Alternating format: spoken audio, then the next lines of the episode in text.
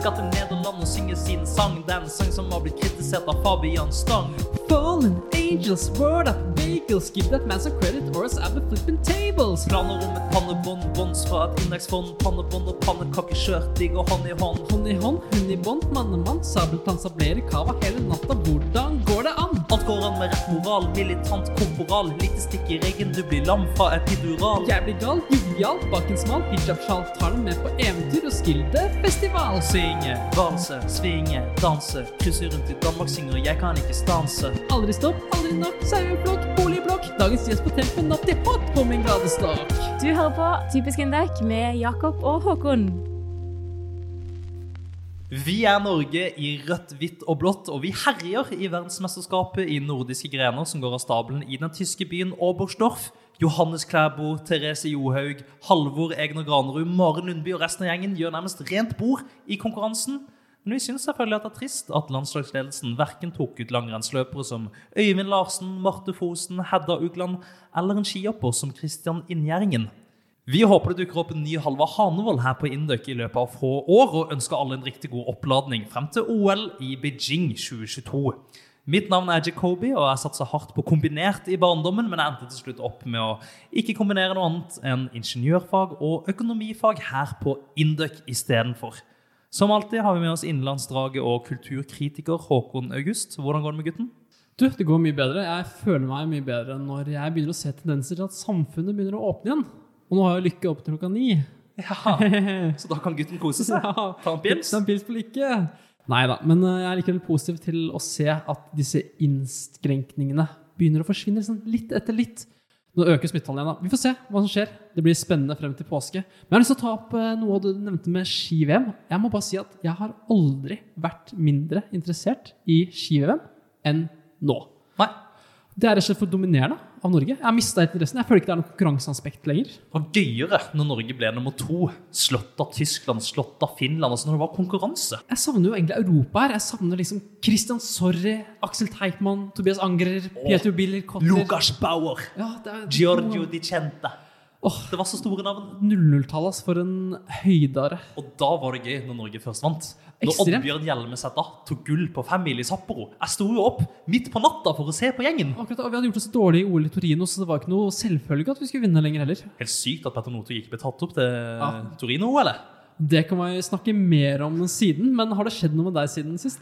Det har skjedd ganske lite. Jeg kan eh, si litt kort om mitt høydepunkt denne uka. Det var at jeg hadde en tur til urologen min. Ja, fordi jeg har nemlig en eh, urolog. Jeg har jo, som alle vet, bestemt meg for å ta helsa på alvor.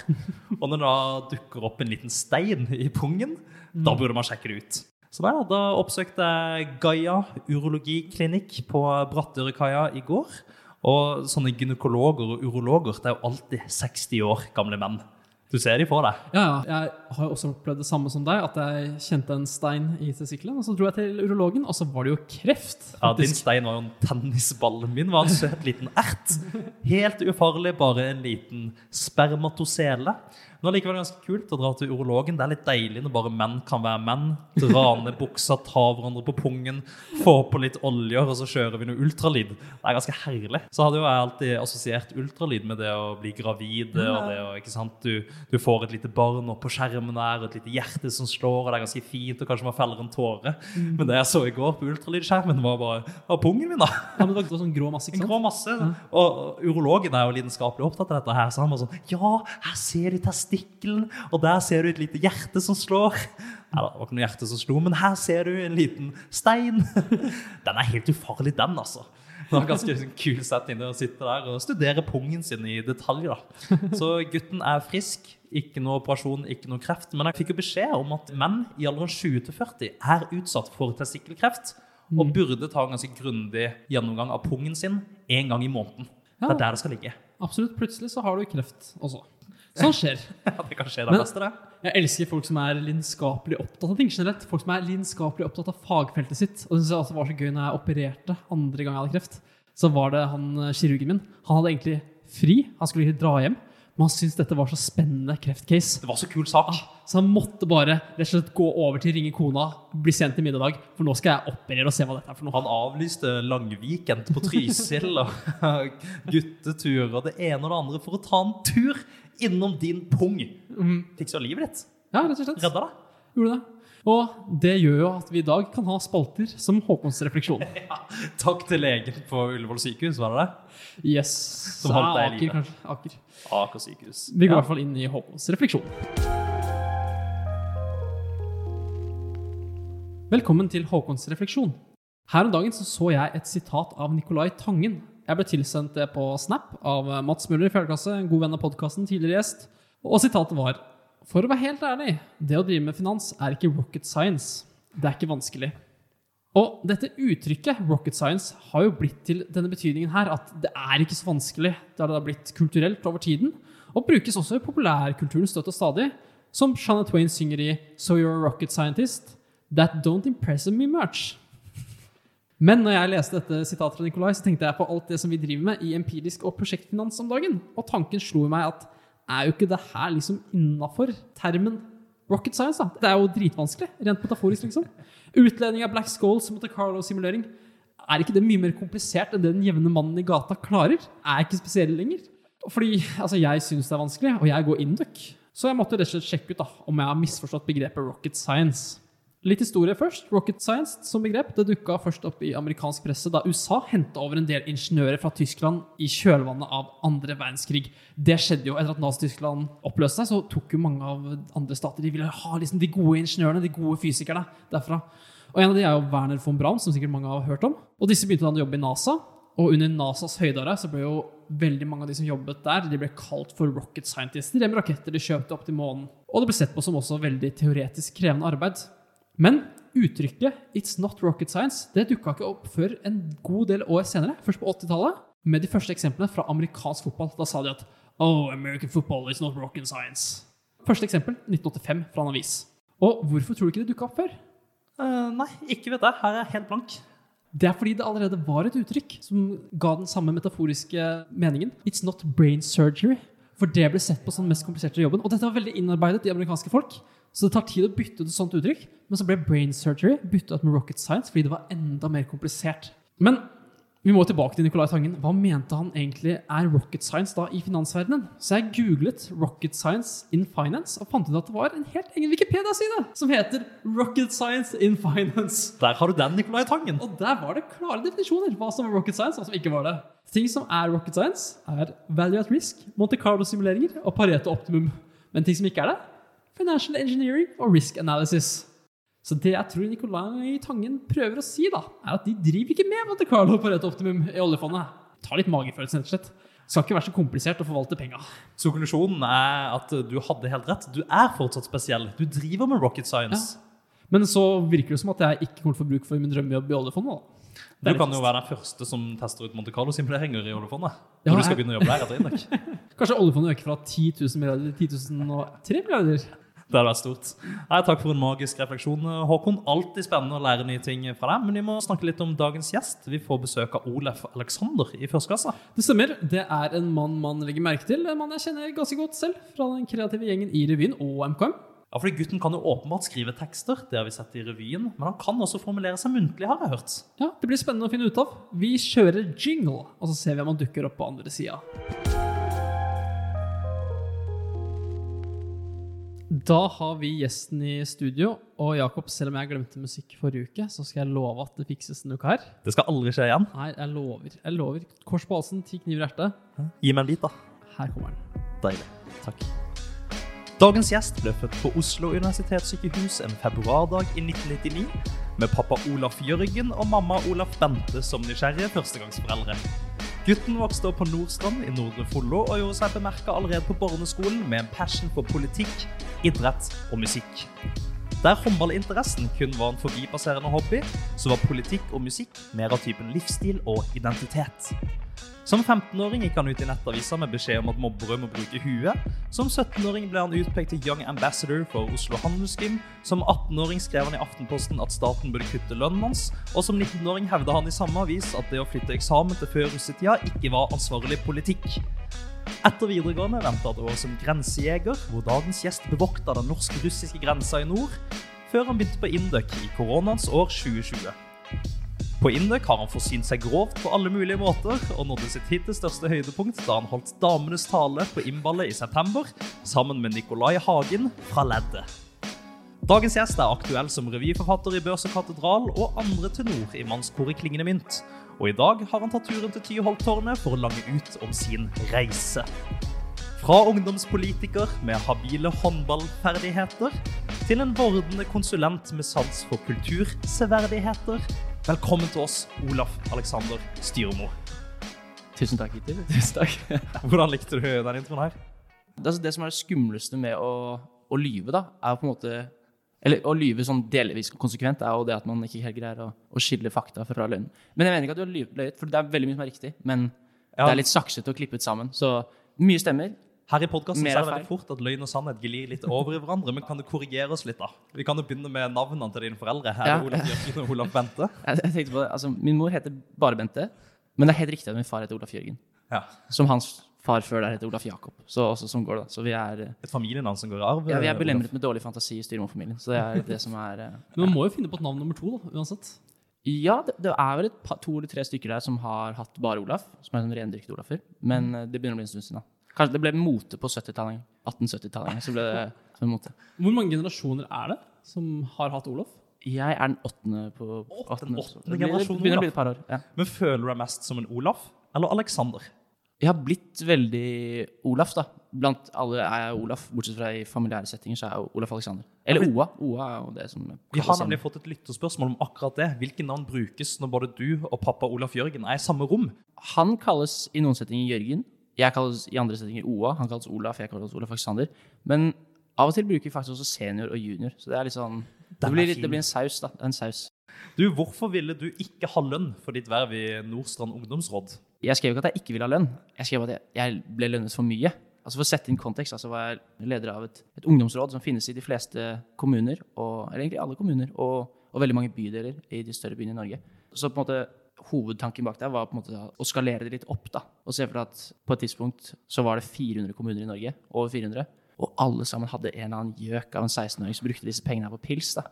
Så syntes jeg det var ufortjent. og ja, dere kan jo gjette da, Hva ble man lønnet med per time for disse møtene?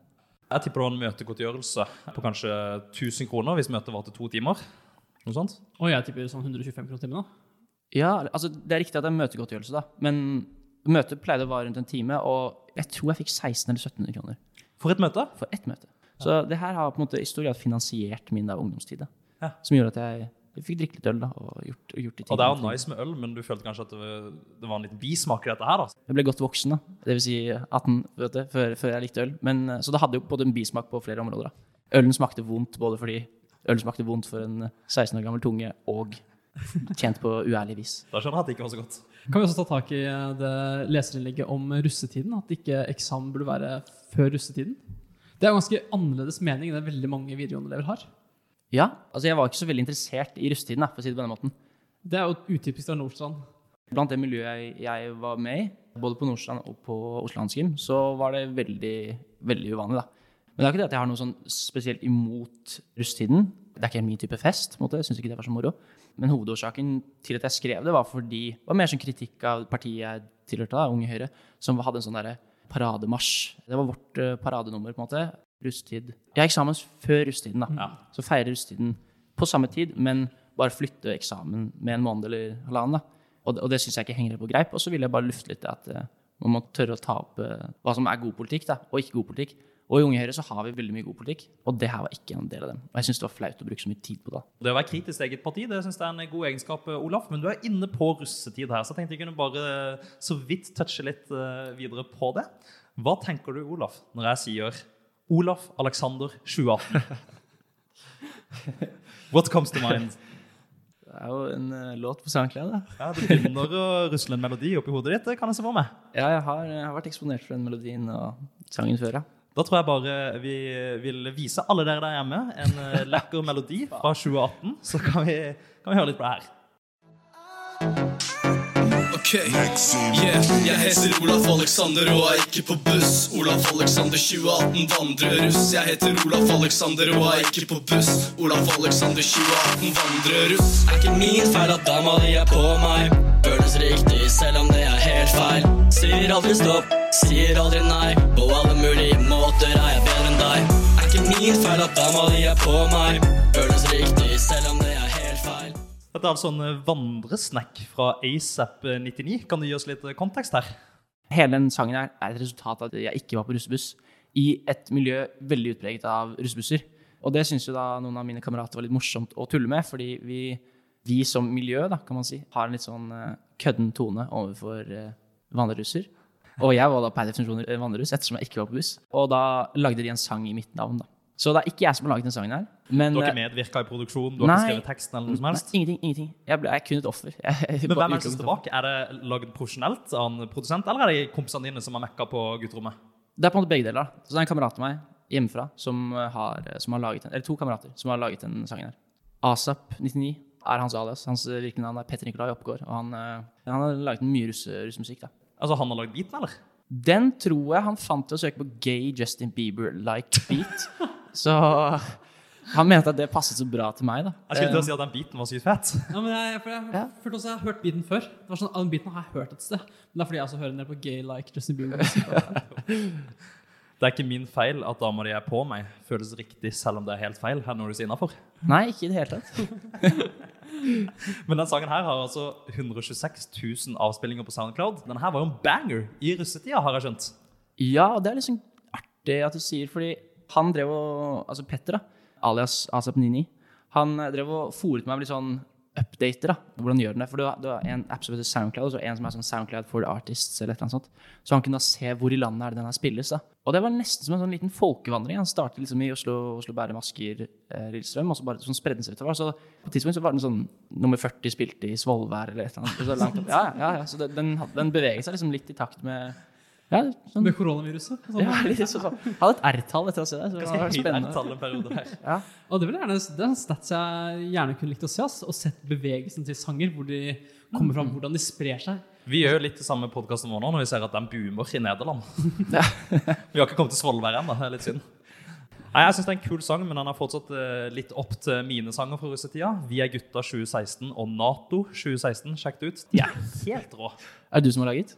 Nei, men jeg har skrevet teksten på hjemmesnekken. Jeg har også laget en disselåt til Russeservice. Den har 15 000 avspillinger på YouTube. Ja, Og kommentar fra Thomas Hayes, kjent fra Skam. Ja, Dritfett, syns han det var. Når var det her? 2014? 15? 15 var det. Hadde han begynt å bli kul i 2015? Ja, det var da Skam kom. Så det var sånn Oi. Det var under sesong to. Så jeg husker jeg posta det på Insta. eller sånn, sendte det til venner. Sjekk ut hva Thomas Hayes syns. Skam-William digger sangen min. Og så svarte folk sånn Ja, men kan du da be han som å svare Nora? husker jeg. Men Det var, det var underveis i den sesongen. Men eh, velkommen skal du være, Olaf. Vil du vi skal titulere deg som Olaf Alexander eller Olaf eller Alexander videre i podkasten? Vi kan bare gjerne være Olaf nå, så lenge det på en måte Så pappa og jeg har på en måte delt opp litt sånn hvilke plattformer er det vi har, da. Og i og med at begge to har Spotify, så tenkte jeg sånn I tilfelle han skal en gang knekke i gang med en podkast, så, Ja, viktig at så, så skal vi ikke gå i bena på hverandre, da. Så blir det Olaf i samtalen, mens Olaf Alexander på Spotify når vi legger ut. Noe i den duren hadde vært eh, lurt, da. Da dropper vi Alexander herfra, og så inviterer jeg deg inn i vår faste spalte 20 spørsmål.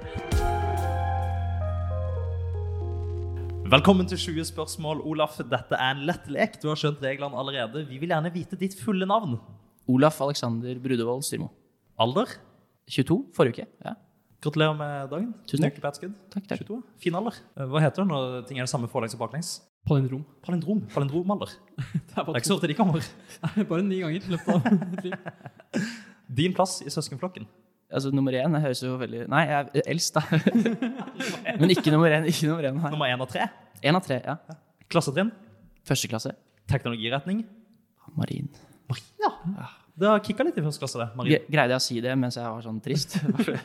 Faen, var vanskelig. Hvorfor sa du det på den måten her? Altså, ikke noe galt med marin, annet enn at det er vanskelig. Og jeg ikke er så veldig glad i matte og fysikk. Nei. Så hvorfor jeg valgte marin, er jo et mysterium. Fra hvilken by? Oslo. Sivil status? Singel. Løpende verv? Jeg skriver jo litt eh, for dere, da, i revyen. Eller for Håkon, kanskje. Mm, ja, begge er med, så Ja, begge er med. skriver Men, først og fremst for Håkon, som er revysjef, og litt for meg, som er PR-medarbeider. ja, og, og sterk eh, kritiker. Og ros også, under eh, internvisning. Ja, Gårsdagens internvisning. Ja, mm. Gratulerer med vel gjennomført, dere i den kreative gjengen. ja takk, takk. Har du en jobb ved siden av studiet? Nei. Nei. Ikke noe særlig. Ikke noe særlig? Ja, litt sånn prosjektbasert, kan man si. Ok, Vil du fortelle om det? Ja, kjapt. Det blir på en måte et sommerprosjekt, da. Så jeg driver og rigger i stand litt sånn prosjekter til hver eh, til sommeret. Ok. Ja. Har det noe med den sommerjobben du hadde i fjor å gjøre? Det var på Askeladden og co. Ja, nei, altså etter at jeg var ferdig i Askeladden, så, så begynte jeg å selge litt is og brus og pølser og liksom med noen kompiser. Vi har fått et lytterspørsmål om det, så jeg tror vi sparer det til Ok, lytterspørsmålspalten. Da du var liten, hva ønsket du å bli når du ble stor? Fjellklatrer, tror jeg. Eller polfarer. Ja, nå er det. En eventyrer? Det er aldri for seint å bli polfarer. Bare spør Nore Rystad om det. Ja, riktig, riktig. Hva hadde du studert om Indek ikke fantes? Statsvitenskap eller noe politisk, eh, tror jeg. Ja. Topp to hobbyer? Topptur og eh, må bli noe innen mat eller kultur. Kulinarisk. Kulinarisk, En sekkepost. Det er ikke første gang vi hører topptur som hobby her. Med en mat Nei, jeg, og jeg, kultur. jeg kviet meg litt for å si det, egentlig. Men Nå kommer det en liten rant om eh, øvre middelklasse fra Håkon her, så jeg tror ikke vi skal snakke så mye om Rando. De må få seg andre hobbyer! Siste spørsmål blant mine faste. Hvilket parti heier du på i stortingsvalget som venter i september?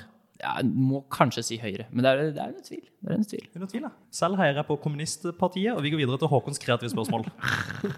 Du, hva synes du om konseptet at folk må spise ting live på TV? Ref at eh, anmelder Andreas Grønneberg måtte nå spise pannebånd til Tix. Er det en god ting eller en dårlig ting? Han eh, er jo faktisk stefaren til en kompis av meg. Nei. Jo, Det, ja. så vi var Grønneberg. Eller Tix. Eh, vet ikke, kanskje Tix også, men det, det henger ikke med så små kids. Altså, jeg, jeg, er jo bekymret da, for magen hans. Det er, altså, det er jo så skummelt.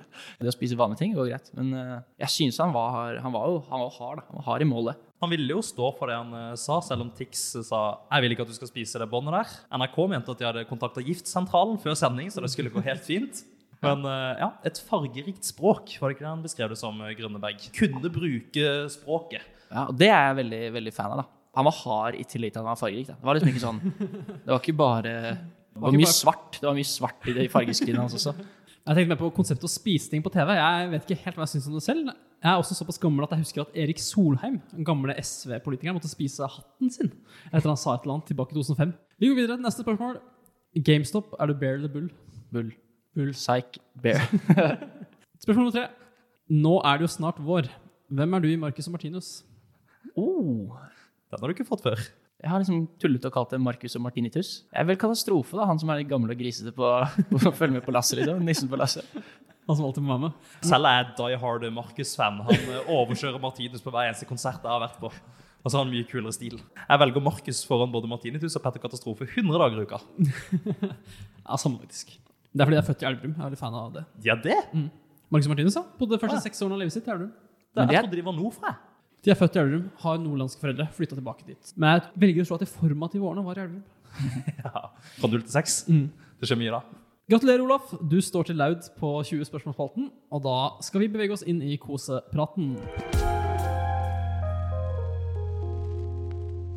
Og velkommen til kosepraten, Olaf. Dette er din livs koseligste prat. I løpet av neste minuttene så skal vi alle lære litt om hvilke beskjeftigelser og utfordringer du har i hverdagen. Så da bare spør vi deg ganske åpent, hva bruker du tid på om dagen?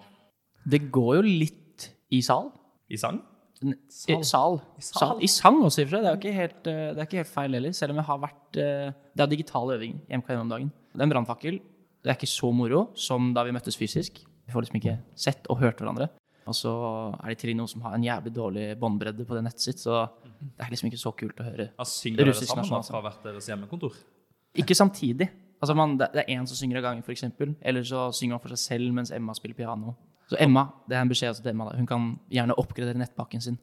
Så ikke det pianoet hakker så veldig på Zoom, da. Emma må få seg fi på nett.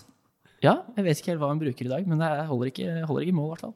Men eh, du er med MKM. Vi kan bare holde oss litt der eh, kjapt. Har du noen erfaring med sang fra tidligere? Annet enn Olaf Alexander 2018? Eh, ja, det er ikke min erfaring. Det var min kost, men det var ikke min erfaring. Jeg tror jeg var og sang en prøveaudition i Sølvguttene. Jeg er litt usikker. Jeg har alltid fått det for meg, i hvert fall. Men jeg er litt usikker på om jeg har skapt den historien i hodet, eller om mamma sa bare sånn Du sang så bra at du kunne sunget i Sølvguttene. Men jeg husker også at jeg syntes det var jævlig nerd med de der de matrosdressene. Ja, Det syntes jeg òg. Ja, så jeg, så jeg, jeg, jeg, du jeg det ville i en Ja, eller seks, da, eller hvor gammel man var. Jeg kom veldig sent i stemmeskiftet, så jeg hadde i så fall hatt en veldig lang karriere. Så er det sånn der en gjeng på åtteåringer, så er en på 14-15 som står der. På 1,90. Ja, Jeg var høy som 14-15-åring. Ja, Vi kan eh, snakke litt videre på MKM, fordi MKM har jo ganske tydelig stil. Konsulenter, det er en veldig sånn tydelig karakter i MKM. Appellerer den karakteren til deg som person? Er det en match der, eller? Nei, det vil jeg ikke si. Det er jo en veldig tydelig og utpreget måte, rollefigur på scenen som er litt sånn, eh, sånn douchey. Men eh, for en som, en som Håkon, da, som er mer dorky, så er jo det på en måte, og jeg, jeg er litt enig med Håkon, da. Vi er litt dorky. Så Ja, hvem av dere to er mest glad i penger, analyse, evig vekst? Jeg er jo dritglad i penger. Altså, det er jo ja. Det er. Men det får deg på en måte til eh, Z, da. Fra A til Z. Men i Norge så har vi jo hele alfabetet. Og jeg vil si at på en måte, lykken ligger i æ, ø, å, da. Så det tar deg ikke hele veien. Filosofisk, hvordan kommer man da til å? Da var fin fyr da, med gode venner rundt deg og hele den biten der. Ja. Og den får du ikke. Altså, det kan falle litt bort da, hvis du er for opptatt av, eh, av penger. Om det fins en sånn graf for sammenhengen mellom penger og lykke. Og man blir lykkeligere av penger til et visst punkt. Du trenger penger for å liksom innfri alle liksom primale behov man har. Men idet man tjener mer enn Jeg lurer på om brekkpunktet var på mellom 700 000 og en mill. i året. Så flater det ut. Og noen mener også at det går litt nedover jo rikere du blir deretter. Håkon, jeg ser du er skeptisk. Ja, jeg, for jeg har hørt den der før også, men jeg vil gjerne vite om det ligger kvalitative eller kvantitative undersøkelser bak det her. Eller om det bare er litt sånn synsing. Åh, jeg har ikke så kontroll på skillene mine, altså. Men jeg har sett et sånt diagram, for. Jeg syns jo vi fikk det beskrevet i bilder når Olav snakker om alfabet og at penger tar deg fra A til Z. Men ja. den siste lille etappen, der må det andre ting til. Den delen her beskriver Harari ganske godt i eh, Sapiens-boka, den første. Han snakker om hvordan lykke hos mennesker egentlig ikke er en kontinuerlig tilstand. Da. At man alltid justerer seg etter hvor man er i øyeblikket. Og hver gang man gjør det, så setter man seg nye mål for hvordan man hele tiden skal oppgradere egen livsstil. Og når det skjer hele tiden, så blir det aldri noe punkt man er fornøyd. Og hvis man liksom når et topp pengemål, så skjønner jeg jo på en måte logikken bak det. da. At man ender opp med å ikke føle seg bedre. For det er ikke noe, hvilken vei skal man gå? da? Hva skal man realisere seg selv med da, når man har tjent masse penger? Ja, akkurat det er en fin historie. Du kan velge om å ta den med på podkasten eller ikke. Men eh, det handla på en måte om en, en McKinsey-konsulent. da. Kanskje deg i fremtiden, Jake. Eh, Mange sier det. som er og fisker. Han er på en eller annen, sånn, en eller annen lagune, og så møter han en fisker som sitter der og bare koser seg. Han sier da en måte, du er så god til å fiske, og på en måte, du kan jo gjøre det her til, en, til din levebrød. Og så sier han men det er jo mitt levebrød. Ja, men du, du må tenke større. Du må, kanskje du er så flink hvis du jobber to år nå, så får du kjøpt en ny båt, du får ansatt et par fiskere, du kan bygge opp flåten, og, tar du liksom 20-30 år da, av livet ditt og setter deg det og jobber knallhardt, så er du sett, da. Og så spør han fiskeren, men ja, hva skal jeg gjøre da? Nei, da kan du jo kanskje kjøpe deg en liten båt og sette deg og fiske på et eller annet idyllisk sted. Da. Og det illustrerer ganske godt hvorfor altså, Menneskeheten hadde jo aldri kommet videre hvis ikke man hadde fått de, de Harari-poengene dine i sted, Håkon. Budskapet var da at måte, han sluttet der han startet. da. Bare at han hadde kastet bort 30 år av livet sitt på å jobbe knallhardt. Så hadde de egentlig ikke fått ham til et nytt sted. Nei, han, nei, han endte opp på samme sted der hvor han var. da. Han var liksom lykkelig nok på veien. Men, og det er absolutt mening i å jobbe hardt. da. Jeg synes jo det, sånn, For å ta neste punkt, jobbe eller analyse og sånn. Jeg er veldig glad i måte det å, det å jobbe, og det er ingenting som føles bedre av å jobbe med, med kompiser eller med, med venner og få til ting. Det blir man jo lykkelig av. Ja, jeg tror også det. Drive med prosjekter, liksom oppleve mestring, ta ansvar. Kjenne en utvikling som personlig og sosialt og sånt. Er ikke det som er litt, eh, litt av målet her? Og det får man jo på Induc, både gjennom skole, men kanskje først og fremst gjennom verv og alt det man gjør på sida, da. Men eh, yes, du sa du var på sal i stad. Vi kan jo gå en liten tur innom eh, skolebenken. Hvilke fag er det man har våren i første klasse? På marin så har man matte 2, 3, mekanikk 2 og org, selvfølgelig.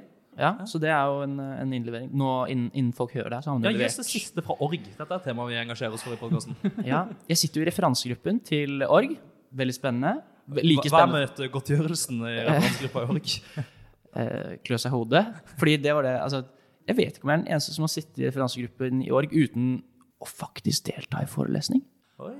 Så det var litt sånn, det var litt tullete, da, egentlig. Og, Ja, men du skal jo bare representere klassen. eh, nettopp. prate deres sak. nettopp. Heldigvis har vi to veldig gode andre referansegruppemedlemmer. Så min ting er på en måte det å lese Vi, vi legger jo på en måte ut en poll som hva tenker folk. Får tilbake veldig mye interessante, interessant funn. F.eks. at alle er misfornøyd med at vi ikke tar opp forelesningene.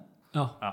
Der er instituttet dårlig. altså. Der må vi sende en reprimande. fordi det er de så gode på nå, på nesten alle andre institutter på Gløshaugen. Men Indøk sitter igjen og sier nei, man er student, man er fulltidsstudent. Dere får møte opp når vi spiller inn. Ja, ja. Og de sier sånn Det er ikke noe krav at vi må spille inn forelesning. Da, da blir det sånn Men kan dere ikke bare gjøre det? da? Dere har det digitalt, så dere kan bare recorde det. Mm. Og de har jo en del veldig interessante poenger. Men uh, man må i hvert fall i den hverdagen vi lever i nå, så er man jo nødt til å tilpasse seg. Tilpasse seg hvordan vi lever. Og det er jo hjemme. Og da hadde det vært digg å kunne gå ut da, en tid mellom fire og seks. Attpåtil så er alle forelesninger i org ganske sent, ikke sant? så kanskje folk har lyst til å ta en løpetur da, eller gå en skitur. For Mm. de type tingene her da. Men du er på hjemmekontor, eller er du på skolen og studerer? Jeg er stort sett på skolen. Har eh, knabbet salplassen til Henrik eh, Giske Fosse. Henrik Flaske Giske. Flaske Floske. Så, Tidlig å få salplass allerede i første klasse, Olaf. De fleste pleier å vente noen år. ja, vi har sånn lite kontor, da. MKM-kontoret, som er liksom forbeholdt Nå er jeg på dypt vann, jeg aner ikke om det er forbeholdt MKM-ere. Jeg har bare hørt det. Det er en vanlig historie. Så. Ja, Det er bare blitt tatt, og så har folk flytta dit, og så har folk spurt sånn Du ser du sitter her, har du lyst til å bytte en, for vi har lyst til å sitte sammen? Så er jeg bare sånn, ja, ja, seff. Og så har det bare blitt det. Ja. Hva med revy, da? Er det intenst på revyfronten? Det er ganske intenst. Det begynner å bli mer og mer å gjøre. Og snart så blir det mindre og mindre å gjøre. det, for nå skal skuespillerne få tid til å forberede og øve inn sketsjene godt. Vi har vel noen deadlines til førstkommende fredag og neste fredag, men etter det så er det jo mer sånn å, å se om skuespillerne tolker sketsjene og sangene i det formatet jeg ønsket å skrive de, da. Eller Trym eller noen andre gutta. Men det er også veldig interessant å se dem på en måte, uten å ha diskutert sketsjen med skuespillerne, og se om de har tolket den på samme måte. Og så kanskje ofte så tolker de den bedre enn hva jeg hadde tenkt. Og det ser bra ut. Og det jeg hadde tenkt ser bra ut på scenen. Det ser helt Johnny ut. Jeg tenker derfor- at En skuespiller må kunne gjøre det litt til sitt eget, da, sette sitt preg på det. Mm. Ja, Det er veldig interessant. Jeg skriver om det selv. Jeg er glad i å skrive, og når jeg sender en sketsj til noen skuespillere, så vet jeg ofte ikke helt sånn ah, Burde jeg gå inn og forklare de, Hva har jeg tenkt her? Hvordan skal de gjøre det? Eller skal jeg bare la de få den? For det blir ofte to forskjellige resultater. Og ofte så er jo det andre resultatet sånn Oi, her kommer det ting som jeg ikke hadde tenkt på, som er Mm. veldig gøy. Som dere har sett, som ikke jeg har sett. da. Veldig fint å få andre blikk på det. Hvilke temaer er det du liker å skrive om, Olaf? Før revyen, da, for å si det, så var jeg veldig opptatt av kleptomani og eh, schizofreni. Det husker du kanskje, Håkon? Kleptomani, det er jo tæsje ting. Ja, rett og slett å rappe og naske. Ja. Jeg syns det var moro. Vi har sånn hangups i forfattergruppen. Det kommer en del i sketsjene. Jeg kan si noen som ikke kommer. da. Det er f.eks. kleptomani og schizofreni. da. Spaltet personlighet. Jeg synes det er gøy med spaltet personlighet. Ja, Du ville jo gjerne at det skulle prege navnet på Indergrevyen. Jeg var veldig opptatt av at jeg skulle prege Jeg ble nesten litt furten. Jeg blir veldig sjelden furten, men da ble jeg nesten litt furten. da. Men det skal sies da at navnet Børsekatedral, det var ditt navn, Håkon. Det pitchet ikke du på den kulturen der vi bestemte navn. Og jeg vil si at det er et briljant navn, men jeg syns fortsatt hashtag ref også er Nei, vi kan klippe det bort. Kanskje vi skal bruke det senere. Jeg, jeg, jeg liker også veldig godt det navnet. hashtag Ja. ref. Men det var mange som ikke likte det. Det var mange som ikke likte det i hele tatt. Ja, Jeg var jo blant de som ikke likte det. Det å ha en, Ja. eh, en Excel-kode som et revynavn, det ble litt for nerdy for meg. Akkurat som Sølvgutta ble litt for nerdy for deg, Olaf. Nei, men Jeg tror vi sier at det var det fra kosepraten. Så går vi inn i Håkons politiske benk. Ja, velkommen hit til en fast ukentlig spalte. Den heter Håkons politiske benk, der vi tar opp stort og smått fra politikken. Og Olaf, du har jo vært eh, ungdomspolitiker i dine gamle dager. Hvorfor begynte du der? Hva gjorde at du fikk lyst til å begynne i Unge Høyre? Jeg ble interessert i politikk ganske tidlig, og brukte ganske mye tid på å finne hvor jeg hadde lyst til å være politisk. Ble vel medlem av Unge Høyre da ikke i 9. eller tiende, så det er, for- det er 9. kanskje. Det er forholdsvis tidlig. Jeg er egentlig ganske skeptisk til barn da, som blir medlem av politiske organisasjoner så tidlig. Jeg, jeg ser for meg det var, du skulle til å ha et poeng om det. Og det er også en av årsakene til at jeg gikk ut igjen. da, var eller altså, sluttet. Det, kunne det ble, ble ramaskrik i- på Høyres hus fordi jeg, fordi jeg forlot partiet. Det var ikke det. Eh, Men eh, ja, fantastisk mye kul læring i Unge Høyre. Og spesielt Oslo Unge Høyre, tror jeg, er utrolig dyktige på å få inn gode foredragsholdere som snakker om retorikk og om politikk, ideologi. Det er et veldig sånn det er et fokus som ligger litt utenfor det å spise pizza og, og drikke brus, som jeg har inntrykk av skjer i veldig mange andre organisasjoner. Altså er det like mye fokus på læring som å diskutere aktuelle saker. Ja. Altså at dere skal lære politikken stein på stein. Mm. Men det er jo ikke bare det heller. Det er jo en sosial ting man kan gjøre når man er ung. Men eh, for de som ønsker, da, så er det en del kurs i politisk filosofi som tilbys både gjennom Unge Høyre, og som har fått på en måte, Jeg var med på Civitas ungdomsakademi, f.eks., som er en ganske sånn ideologitung uke, da. Eh, eller kurs. Ja, bare for de lytterne som ikke vet det, så er Civita tenketanken Det er jo kanskje ikke Høyre som står bak, eller er det Høyre som står bak den? Nei da, nei, det er ikke det. Det er litt konservative Men det er en liberalkonservativ tenketank, så det er veldig mye gode altså, hva skal man si, synergier mellom. Men i den tenketanken så var vi vel ti ungdommer, tror jeg, som fikk være med det året jeg var der. Og det var både MDG-ere der, og en som jobbet i Forsvaret, og ja, statsvitere, og det var liksom forskjellig, da. Så det var ikke bare, på ingen måte bare Unge Høyre. I min hjemkommune Elverum så var det jo ingen som var ungdomspolitiker i det hele tatt omtrent. Er det et miljø for det mer i Oslo enn andre steder? Eller hvordan er miljøet? Eh, Jeg tror det kan være et større miljø, selvfølgelig. Men blant mine kamerater hjemmefra så var det ikke det på samme tid jeg begynte. Men jeg fikk jo med meg et par etter hvert. Som syntes det virket spennende, og som var med. Så vi ble jo en, en gjeng etter hvert. Og ikke minst så møtte man veldig mye spennende folk i, i Unge Høyre. Lise Amalie Christensen i første klasse, hun er jo hun er fortsatt aktiv. Hun er utrolig dyktig. Ja, for hun er fortsatt aktiv her i Trondheim også. Har sett henne Ja. Hun har jobb. Hun jobber som politisk rådgiver, liksom. eh, Mm. Et eller annet der. Men Kjenner du henne fra miljøet hjemmefra, eller? Ja, vi var jo Unge Høyre sammen en del år, da. Eh, Og så er hun en god venninne av lillesøsteren min. Så hun har jeg snakket masse, masse politikk med opp igjennom. Og hun er utrolig dyktig. Men hun forsynte seg kanskje i enda større grad enn meg, da, av, og, og, i, og i en lengre periode. Hun var både veldig tidlig inne og holdt gassen oppe hele veien, da, mens jeg, ja, jeg sluttet etter videregående. da. For å plukke opp tråden der vi var i sted, Håkon. Og, og det er at årsaken til at ungdom bør tenke seg om to ganger før de blir med i en politisk organisasjon, er jo fordi de må evne å være kritiske. Og det er veldig lett å bli med i en organisasjon der hvor man får en veldig sånn gruppetenkning. Man kan vegre seg for å stille spørsmål. da. Det blir litt ekkokammer. Det blir et ekkokammer, Ja. og man blir ukritisk. Og man må være løpende bevisst over støtter jeg det som skjer nå, eller er jeg uenig. Og hvis man er uenig, så er det som regel veldig veldig god takhøyde, i hvert fall i Unge Høyre, så er det god takhøyde for, for å si at dette er uenig.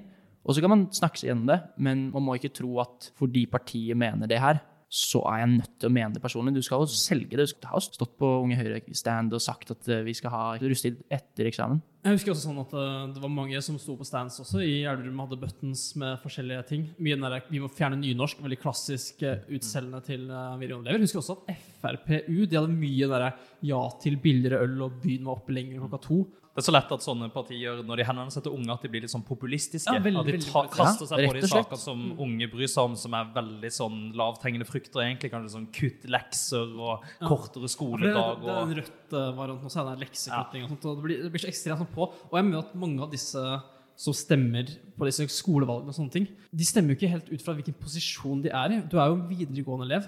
Hva skal du stemme på? Jeg burde stemme etter hva som er best for meg i den situasjonen jeg er i egentlig akkurat da.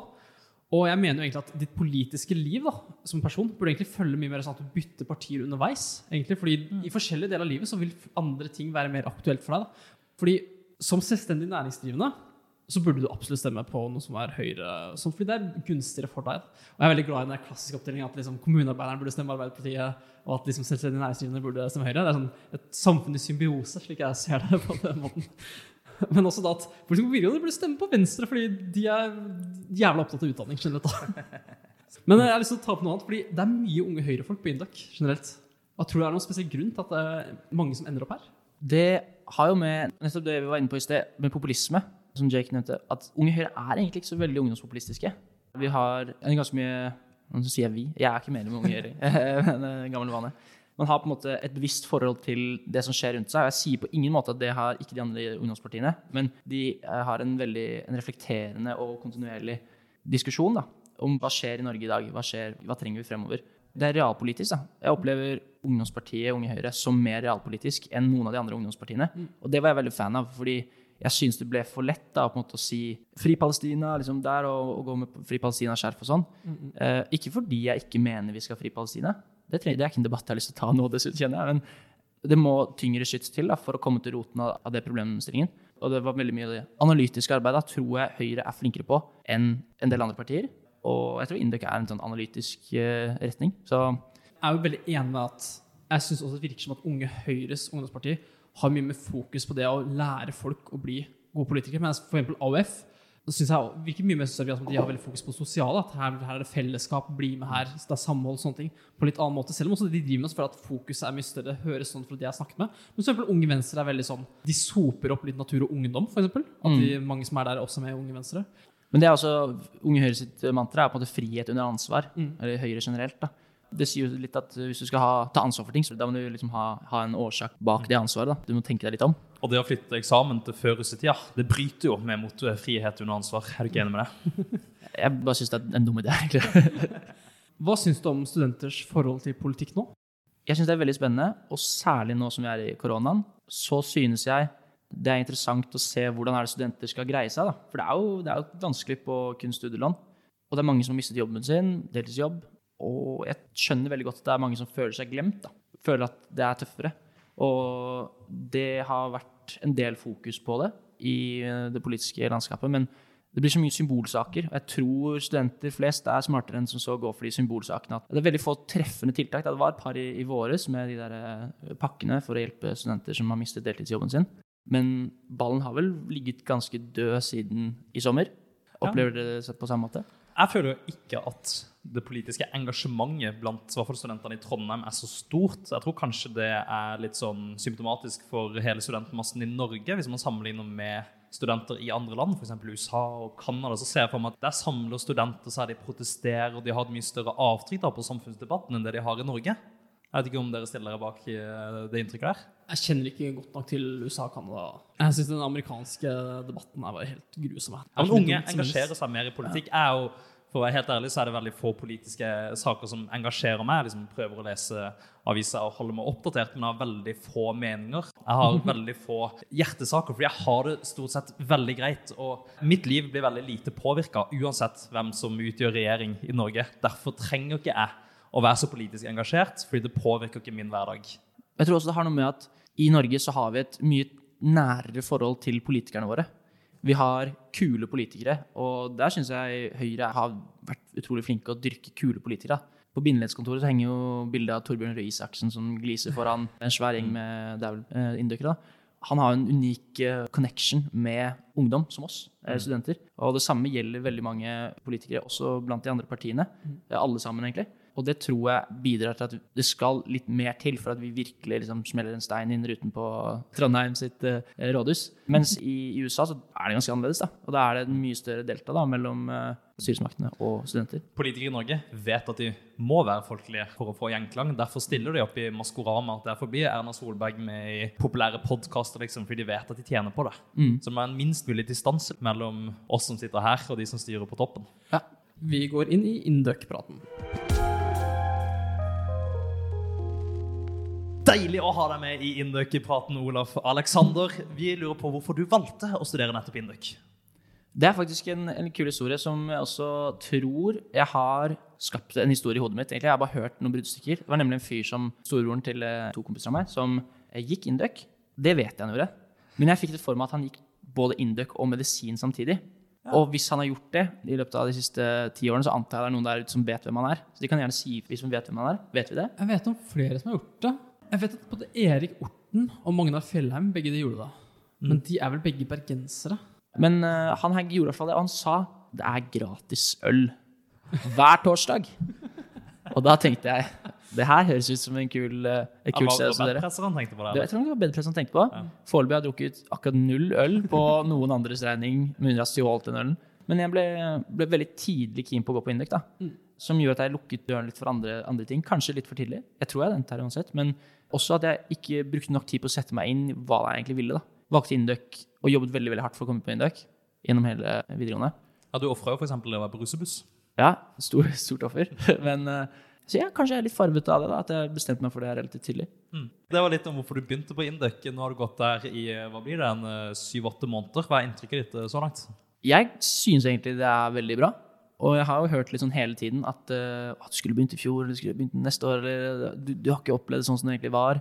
Men jeg syns egentlig at så lenge jeg har vært der, så har jeg møtt bare folk som, folk som dere. Og folk som uh, de i Janus-styret og i koret, som er bare ildsjeler og har virkelig har gjort det beste ut av situasjonen. Så jeg syns det er veldig mange personer som har gitt en innsats, da, så vi skal ha det kult, vi som begynte på Induc. Men når det er sagt, da jeg kom tilbake igjen etter jul og kom først på sal, veldig gøy. Og så dro hjem igjen fra skolen, pakket opp, rigget opp hjemme, hjemmekontoret. Da ringte jeg hjem til mamma og var dritlei meg, liksom. Ja. Da var, jeg, Da var det litt tungt. Ja, det var, det var nede, liksom. Da følte jeg at nå kan jeg endelig skrive meg inn i statistikken av de som er mentalt påvirket av korona. Ja. ja, for Da kom du hjemmefra med det gode ungdomsmiljøet du har hjemme på Nordstrand. liksom. Og så var det opp hit, bli student igjen, hjemmekontor, trist og grått i Trondheim. Mm. Nei, det var, det det var, det var vakkert, da. Det var vakkert samtidig, for det var veldig fint vær. Vi har gått masse, masse, masse på ski i vinter, og har fått veldig mange gode, kule venner. Det har vært veldig mye fine folk på Indux som har eh, tatt oss nye varmt imot, og det er jeg veldig glad for. Klarer du å beskrive miljøet i første klasse nå? Dere er jo i en litt særegen situasjon. Ingen klasser har hatt en så vanskelig jobb som dere med å klare å definere et klassemiljø og skape en følelse av et kollektiv. da. Hvordan ser det sosiale landskapet ut i første klasse i dag? Det er fragmentert på ett vis. Vi har jo ikke hatt de arenaene å bygge de tversgående relasjonene på. Men jeg tror folk som har blitt med i Verv, har, altså, har tatt verv eller blitt med i studentorganisasjoner, har fått desto nærmere bekjentskaper til de de har blitt venner med. da. Istedenfor å ha blitt kjent med 150 stykker eller 160 eller hvor mange vi er på Indøk, så føler jeg at jeg har blitt veldig godt kjent med de guttene i koret. Jeg har blitt godt kjent med dem i revyen, selv om begge deler går på tvers av kull. da. Og så har man jo Skipsmeglerlinjen, som er Induc Marins egne gjeveklubb. Blir det blir et lite fellesskap der? det har blitt veldig flinke, flinke eldre som har tatt oss imot på en veldig fin måte. Ja, i det hele tatt, det har vært mye bra folk. Jeg tror nok verv er viktigere nå enn noensinne for at man skal ha et miljø rundt seg. Jeg føler at en av de viktigste tingene for å skape bånd litt på tvers av ting i første klasse, er jo egentlig disse torsdagsbedpressene. Hvis man drar på de, så drar man ofte man melder seg på. Vet ikke alltid helt hvem som skal dit, før man begynner å snakke litt med noen venner. og sånt. Så går man dit, setter seg, havner ofte med litt forskjellige folk hele tiden. Ja, så dette kommer senere på et eller annet tidspunkt, Olaf, så skal du oppleve alle disse tingene her. Det var litt om uh, Indøk her og nå. Olaf, jeg vet at du har drømmer, jeg vet at du har visjoner. Hvor er du om ti år? Jeg er en god far. Ja. Til hvor mange barn? Til hvor mange Olafer? Hvor, hvor gammel er jeg da? Da er jeg 32? Ja, jeg har kanskje 32 fått, kanskje fått ett eller to barn. da. en uke. Et, ett eller to barn, kanskje. Ja. Ja. Hvilken by holder du til i? Det må nok bli Oslo, tror jeg. Ja. Ser du for deg Oslo-gryta, eller er du en av de som faller litt ut til Nordstrand, en av disse suburbsa rundt byen? ja. Jeg tror nok jeg ender i den siste kategorien. suburbs. Suburbs. Hvilken jobb ser du for deg at du skal briljere i om ti år? Det er egentlig litt irrelevant. Så lenge det er noe jeg syns er moro. Men eh, jeg ser for meg at eh, jeg driver med noe eh, litt på egen hånd. Kanskje med noen jeg møter her på Indøk, kanskje med andre på Gløshaugen. Eller en som går på Dragvoll. Jeg vet ikke. Hvem, hvem vet? Hvem vet? Gutten er åpen. Ja, rett og slett. Har du noe du ønsker å oppnå, eller noen drømmer? Rent spesifikt, Olaf? jeg skal gå over Grønland på, på ski. Du skal bli polfarer, du. Ja, man må det på et eller annet tidspunkt, da. Ja. Ja. Rått. Det er lettere enn å gå Norge på langs, har jeg hørt. Og Ser du for deg å gjøre det alene, eller skal du ta med Ta med venn, dine beste da, venner? Ta med en venn, kanskje. Ja. Du, Olaf, nå har du gått på Indøk i litt over et halvt år. Har du rukket å gjort deg opp noen tanker om hva som kjennetegner den typiske indøker? Jeg tror den typiske indøker har stå-på-vilje. Han er eh, Nei. Hen. Hen. Han, han hun? Hen har en del mål, en del visjoner for hva hen de ønsker å opp... oh, nå blir det vanskelig når vi skal være så kjønnsnøytrale og politisk korrekte. Men fortsett. eh, hva de ønsker å oppnå. Og så synes jeg de aller fleste virker veldig sosialt eh, oppegående. Og med det så mener jeg at eh, folk er villige til å tørre å ta risiko eh, sosialt. Og det gir en veldig, veldig god kultur på linjen. Syns du at du omgås likesinna? Vil du si at du er typisk indøk, Olaf? På flere områder så er jeg nok det. Jeg tar absolutt en eh, sosial risiko, men eh, jeg prøver å tone det litt ned. Jeg tør ikke å vitse altfor hardt eh, med mikrofonen i fleisen. Var det en sosial risiko å bli med i revyen, f.eks., eller hva er det å ta en sosial risiko? Ja, så jeg skrev om en sketsj om runking, da, så det er jo på en måte sånn, det er jo en viss risiko. Du, du blottlegger på en måte min form for humor. Jeg kunne jo ha opplevd sånn Det er ikke morsomt i det hele tatt, hva driver du med? Det var dette jeg håpet du skulle svare når jeg spurte deg hvilke temaer du liker å skrive om. Det Ja, jeg, er den ene runkesketsjen etter den andre. dere får klippe det bort hvis det, hvis det blir for uh, Nei, det Dette tåler vi. Avsløre. kan snakke om alt. Så det er jo det er en viss risiko forbundet med det, da. Heldigvis så slo den an. Den var jo litt morsom. eh, Ja, det, synes jeg var gøy. Ja, bra, bra. Se, jeg skal ikke røpe for mye, i tilfelle den dukker opp på scenen. Så for å konkludere, er du typisk indøk, Olaf Alexander? Ja.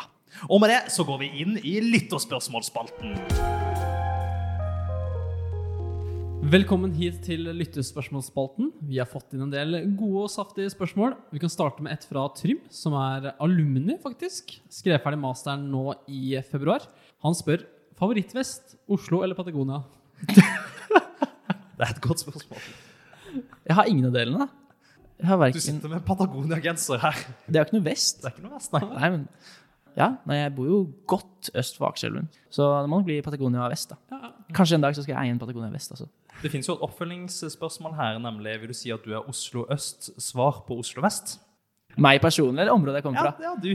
Meg personlig. deg på, hva du representerer. Tenker folk på østkanten at han her har gått på Oslo Handelsgym? Eh, Jeg tror kanskje vi må prøve å redefinere litt hva Oslo øst egentlig er, når vi ser på at både Tåsen og Nordstrand som eh, Oslo Ja. øst. Jeg fikk veldig sterk kritikk fra mamma når vi hadde gått ut, eh, når Kristoffer Winther hadde gått ut og sagt at uh, Storo Grefsenkollen, når det var Oslo øst, der reagerte mamma, som har selv har vokst opp på Kjelsås, og sier det er Oslo nord, ikke Ja. Oslo ja, det er en egen, sånn, en egen eh, akse, da, kan man si, Oslo nord. Ja, Veldig ja. sporty folk som bor på Oslo nord. Vi må se for seg et koordinatsystem når man ser på Oslo. Skal vi gå videre til eh, neste spørsmål, som er fra Emma Løken. Yes. Dirigent i Mannskoret Klingen Mynt. Kan du fortelle om arret du har på armen, Olaf? Jeg vet ikke hva arr det er. er det snakk om? Det er fra rett før jeg ble 18, så knakk jeg armen. Det er ikke Det er et helt vilt arr. Det er 15 cm langt. Det ser ut som Ja. et krigs... Det er 100, 120, 120 sting, faktisk. Så What? det er fordelt over der, der og der. Tre, tre punkteringer, kan man si. Hva er det som har skjedd? Nei, jeg var bare klumsete på ski, da. Det var det eneste. Ja, men Jeg har også brukket både høyre og venstre håndledd, men mine armer ser ikke sånn ut. Nei, morsom historie. Jeg knakk armen, og så ble jeg operert for et stygt brudd, begge bena.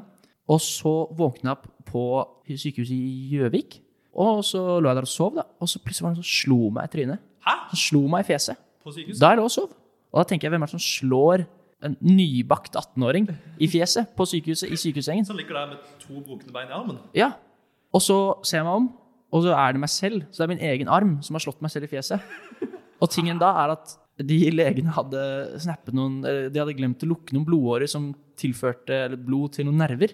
Så jeg våknet opp fullstendig uten følelse i noen fingre, eller mulighet til å bevege det. Og det er en case, fordi hvis de nervene Og ikke siter meg på det, for det vet jeg ikke. Hvis de nervene ikke får blodforsyning i løpet av 48 timer, eller hva det er for noe, så dør de. Så dør da, men de vokser ut igjen. Altså nervene, nervene dør, men de vokser ut igjen. Det tar bare, de vokser 1,2 cm i året, tror jeg. Så da hadde jeg vært invalid i høyrearmen ganske lenge. Men som en reaksjon så strammer musklene seg, og du slår deg selv i trynet, altså? Nei, skjer, jeg sov med hånden opp, og så da jeg sovnet, så slapp jeg hånden ned i fjeset. Det var det som skjedde. Ja, Nå må man lære seg å bruke venstre nå. Så gutten har vært i slåsskamp, altså? Eh, ja, med, ja, med meg selv. En Jeg evig ser kamp. litt uh, eh, altså. Din, eh, din schizofrene profil, Olaf. Her Ja. kommer du til uttrykk. Ja, mangfoldig spaltet personlighet. Nei, vi går eh, videre. Vi har fått et spørsmål fra Henning i Janus. Er dere venner? Mhm, ja, absolutt. Yes, Han har formulert et spørsmål mer som et uh, utsagn. Han sier 'Brødbaking, gi meg oppskrift'. Han har fått det. Nei, nei, han har Å, fader. Han, jeg glemte å sende ham oppskriften. Jeg baker brød. Det er derfor han er så, det er utropstegn og hele pakka. Men har dere lyst på brød? Jeg tok med litt ekstra brød. Lyst i matpakken. brød, men først så skal, skal vi gi Skal jeg den oppskriften han fortjener. Ok, oh, må jeg ta den på stående fot, da. Eh, Oppskriften er at det er ingen oppskrift. Det er en viss sånn uh, nyskapning hver gang. Ja, Vi blander spelt og hvetemel. Det her er Nikolai og jeg som lager, hvor vi bor fire gutter sammen. Vi baker brød hver dag. Baker deigen dagen i forveien, og så steker vi den på morgenen. Ja, men Fortell, hva mer? Det er noe spelt, det er noe hvetemel. Spelt, hvetemel, litt gjær, litt salt og lunket vann. Det er på en måte basen. Og så er vi veldig glad i å eksperimentere. da. Så brødet her med i dag, for eksempel, er eh, med svisker Oi. lagt i honning over en liten periode. Vi har en del forskjellige krydderbrød. Olivenoljer og oliven, eh, olivenbrød. Det er jo helt rått. Veldig veldig glad i aprikos. Ulike nøtter Brød med aprikos, det er det nye. og nøtter. Og Masse nøtter. nøtter og fiber. ikke sant? Vi gleder oss til en liten prøvesmak etter sending når vi skal sitte her på et lite radionachspiel. Ja. Vi tre gutta. Mhm, mhm. Her vi går videre, Håkon. Vil du ta spørsmålet fra Kristian Rustad? Ja, han lurer på, som vi var innom tidligere i episoden, har Olaf en iskremkiosk på Bygdøy? Jeg har det med to kamerater. Hva selger dere? Diplomis, liksom? Eller har dere egen is? Nei, vi selger eh, Henning Olsen-is. Da? Så vi selger det, og brus, og litt snacks og chips og solkrem og plaster og hva, hva du trenger når du skal på, på Bygdøy en varm sommerdag. Er på stranda, liksom? Ja. Har du søkt om løyver? eller Hvordan Ja da, vi har ikke serveringsbevilgning, men du kan selge alt i innpakket. Så en is som er innpakket. Så vi kan ikke selge vafler ennå, men vi har søkt om det. Vi er veldig, veldig spent på den nye aksen innenfor vår virksomhet, som er å selge vafler og pølser. Så det er et stort vekstpotensial på, lokalt på Bygdøy. Det heter Paradiskrembukten, for det ligger på Paradisbukten. Jeg er selv oppvokst eh, i en bukt som heter Paradisbukta. Yes. Det er helt fantastisk. Jeg må komme hit. Ja. Hva kalte du sjappa? Paradiskrembukten. Å, fryktelig Ah, vakkert. -hmm. Der kommer jeg og kjøper en vaffel når dere Ja. en gang får vaffelløyve. Det er ikke så lett å få. Det mange års søknadsprosess. Gjør dere det av finansielle hensyn, eller gjør dere det for å ha noe å drive på med i, i sommervarmen? Det startet egentlig med at eh, Kristoffer, han ene, han studerer i USA. Og han var hjemme på ferie og sa at hei gutta, har du lyst til å selge litt eh, iskrem i sommer? Og så sa vi ja. Og så balte det egentlig på seg. Det første som skjedde, var at vi, fikk, eh, vi hadde misforstått noen av de skattereglene litt. Så eh, vi, Det er det de sier, alle som har brutt skatteregler. Har misforstått de. Nei, vi hadde, vi hadde opprettet et AS, og så hadde vi bare ventet på noen godkjenninger. Så vi solgte det på et enkeltmannsforetak. Og så hadde vi ikke kontrakter mellom oss, da. Oss tre gutta som sto og solgte. Så det var meg, Kristoffer og Thomas. eh, Og da var Thomas ute og hentet noen varer. Og så sto vi da og solgte i, i Thomas sitt enkeltmannsforetak. Og det så derfor ut som at vi var da slaveansatt for Thomas og solgte uten kontrakt. Men det ordnet seg, og vi fikk en eh, veldig fin eh, Vi fikk faktisk en, en helside i Aftenposten Jeg vet ikke hva de formulerte, er nesten noe hvitvasking, eller hva de nesten tolket det som. Ja, fordi du Men- har vært mye i Aftenposten fra du var ung, men her var det første gang med negativt fortegn. Det var noen mødre av noen kompiser som sa sånn Ja, jo, jeg hørte at du hadde blitt uh, tatt for skattekriminalitet, Olaf. Jeg er i en alder av Men eh, liksom. Jeg tror den, det nyeste kjønnsnøytrale ordet nå er at det ikke lenger heter enkeltmannsforetak, men enkeltpersonsforetak. jeg beklager. Nei, det går greit, det. Men det heter fortsatt gjerningsmann hver gang noen har gjort noe galt. Mm, ja. Komme seg på jobb, eh, dere i Norsk språkråd, jeg tror det er de som mm. legger regler. Mm. Og lagmannsretten. Og lagmannsretten. Vi må bare hylle Christian og det, den jobben han har gjort. Gratulerer hele Induc med bil. Håkon, går videre? Ja. Ask Heggen spør Det går rykter om en infamøs trippeldate med damen i 5. klasse. Kan Olaf utdype? Eh, det var verserte noen eh, brev på Valentines Ja. som eh, Knut Skjevrak, Emil Holmen, jeg og Nicolai Hagen, som jeg bor med, fikk. Og så svarte vi med å invitere på ost, Kjeks og vin, som var veldig hyggelig. Men Var de signert? Visste dere hvem de var fra?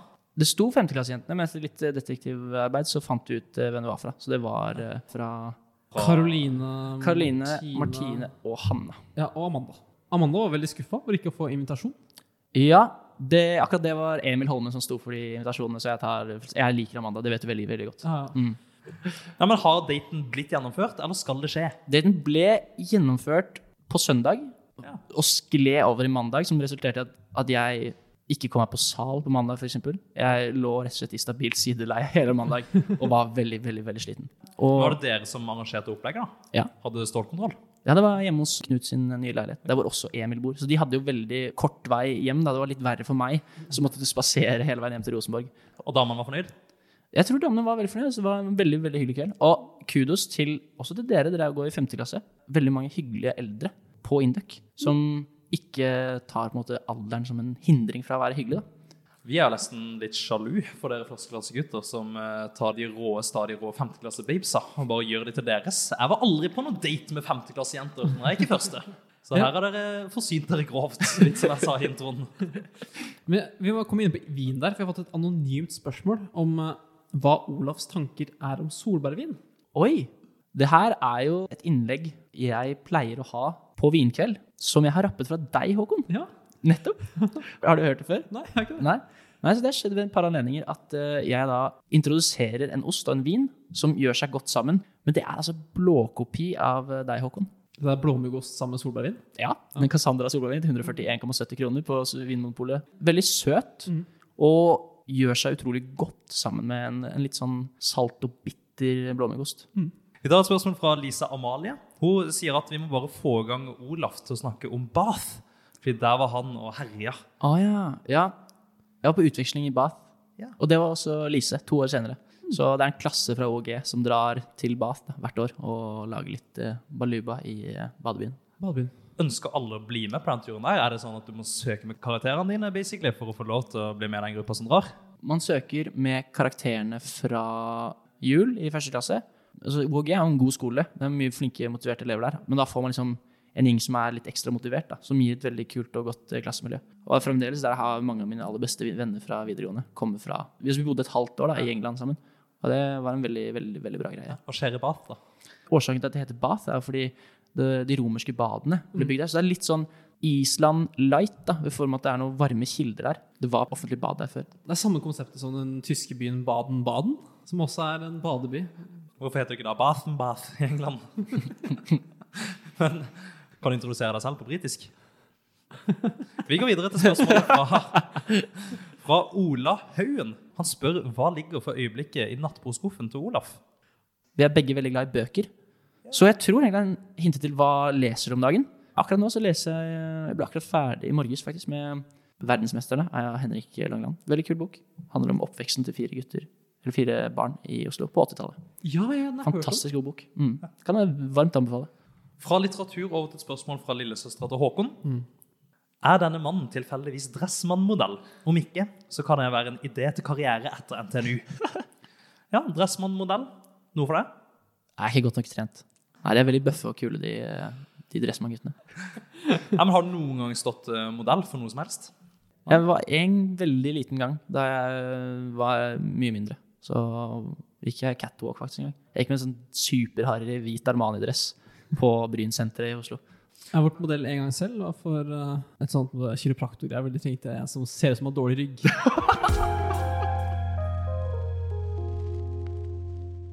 Da tror jeg vi sier at spørsmålet fra Ingrid M. Sveen blir det siste fra lytterspørsmålsspalten. Og her i avslutninga, Olaf, så liker vi å gi gjesten en anledning, et eh, lite rom til å dele noe fra hjertet. Har du en beskjed til lytterne der hjemme? Jeg har kanskje en spesifisering. For dere skrev nemlig noe om, om håret mitt i indøk, eh, typisk Induc på det bildet. Ja, Vi nevnte noe om frisyren der. ja. Frisyre var det, ja. Og jeg kan avsløre hemmeligheten. Og det handler om cutters. Jeg klipper meg faktisk tre ganger i året. Så det medfølger at eh, det blir litt langt og bustete og ustelt. Og så klipper jeg det og trimmer det hos cutters. Og så vokser det da i fire måneder før jeg klipper det av på nytt. Der er hemmeligheten bak din frisyre. Det er hemmeligheten tre ganger i året. hos cutters.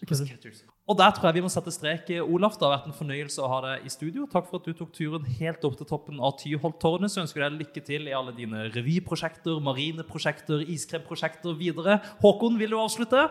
Ha det! Ha det! Ha det! Ha det! Ha det.